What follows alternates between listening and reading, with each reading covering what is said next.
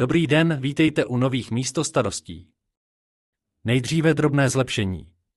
Místostarosti mají nově svůj hlasový podcast, který najdete na Spotify i Google nebo Apple Podcast platformě, když si dáte vyhledat místostarosti. A jak mám čas podcast načítat? Opravdu nemám. Načítá to hlas umělé inteligence. Omluvte tedy místy špatnou výslovnost, snažím se postupně všechny potíže vychytat. Co nového v Brandýse Boleslavi? Město zažívá dopravně těžké chvíle. Je to spojení dvou faktorů. Špatný stav silniční infrastruktury a především kanalizace pod ní a trvale rostoucí provoz. Stačí drobný problém a doprava kolabuje. Navíc některé situace nemají dobré řešení. Oprava kanalizace v Boleslavi znamená, že rozkopete silnici a pak už se nedá dostat na most. Proto do ní taky nikdo léta nekopal, jenže už to nejde okecat. Klasická byla také situace z minulého víkendu. V neděli Pražáci vyrazili po dálnici na lotu, po našem novém obchvatu to byla paráda. Jenže při návratu se dva na dálnici ťukli a dálnice okamžitě skolabovala hned za sjezdem na Boleslav.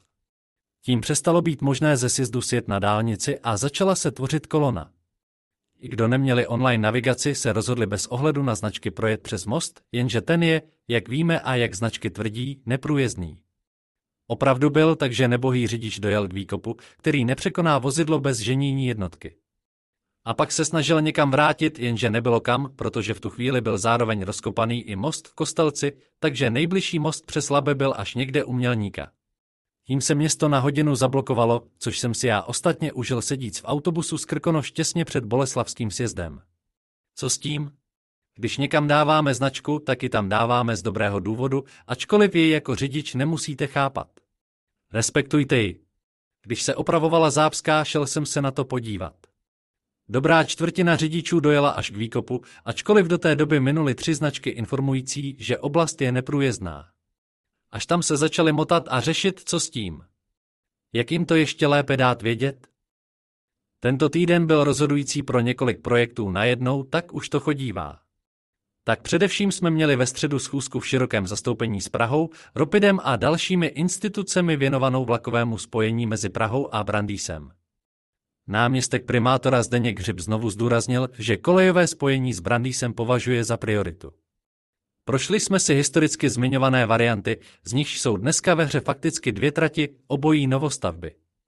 Jedna jde z Vinoře severní stranou po staré zemské cestě a výjíždí na Brandýské nádraží. Druhá od Horních Počernic jihem a končí u Královic. Preferencí obcí Brandýského regionu je severní trasa, kterou považujeme za územně řešitelnou a zároveň s možností další obsluhy regionu, ale chápeme, že zvažování musí obsahovat obě realistické varianty.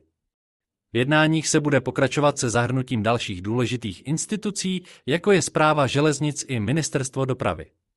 Druhý větší projekt je rekonstrukce kina v Brandýse, kde je toho mnoho špatně.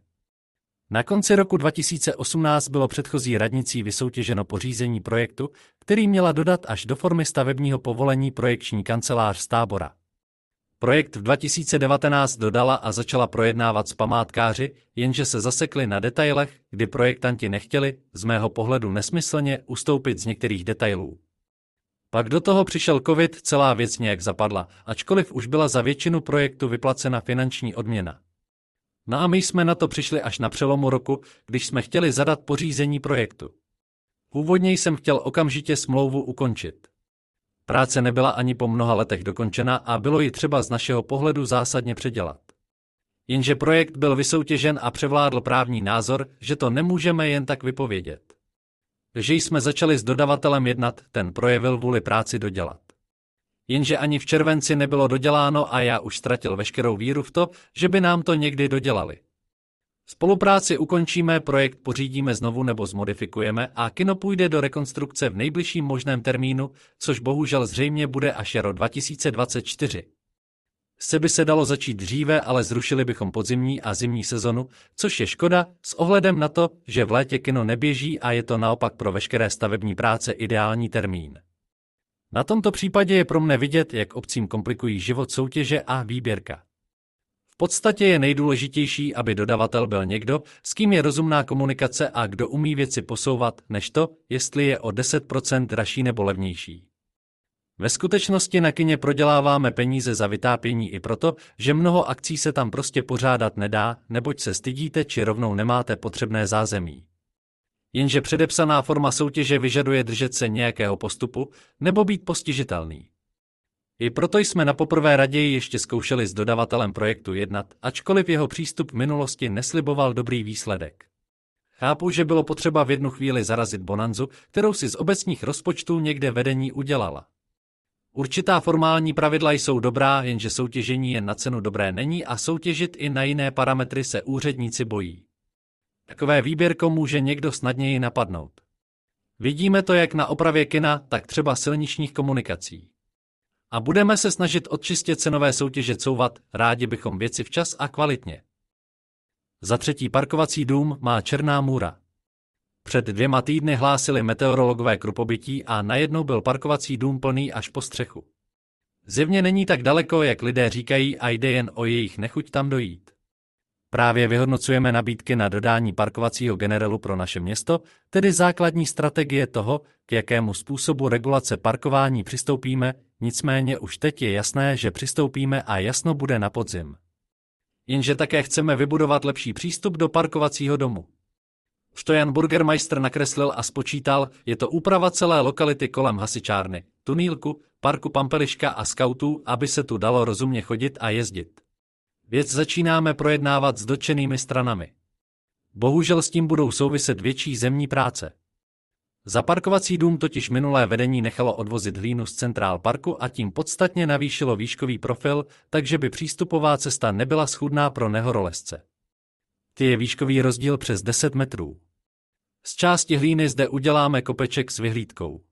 Bude to levnější, než platit za uložení hlíny, to až se budete divit, proč máme vyhlídku nad tratí. Spousta hlíny ovšem zbude a budeme muset vymyslet, co s tím. Ve čtvrtek v radě prošlo zvyšování nájmů za obecní byty. Ty byly doposud zcela nesmyslně levné a to i s ohledem na kvalitu, stávající nájmy půjdou nahoru o cirka 20%, samozřejmě se stropem pro ty, kdo už teď vyšší nájem měli. Nové nájmy u zrekonstruovaných bytů jsou nově na 190 korun za metr čtvereční a měsíc, takže byt o velikosti 66 metrů čtverečních byt, čili náš standard, vyjde od září na něco přes 12 000 kč měsíčně. U starých nájemních smluv je navýšení platné od příštího roku a postupně se s nájemníky doladí. Město nicméně teď nic moc volného nemá. Vyšší výnosy jsou vyšší jen opticky. Ze všeho se zdvihly a nám zdražení umožní držet nastavenou rychlost rekonstrukcí a obnovy bytového fondu. Vše dobré do nového týdne přeje. Patrik Zandl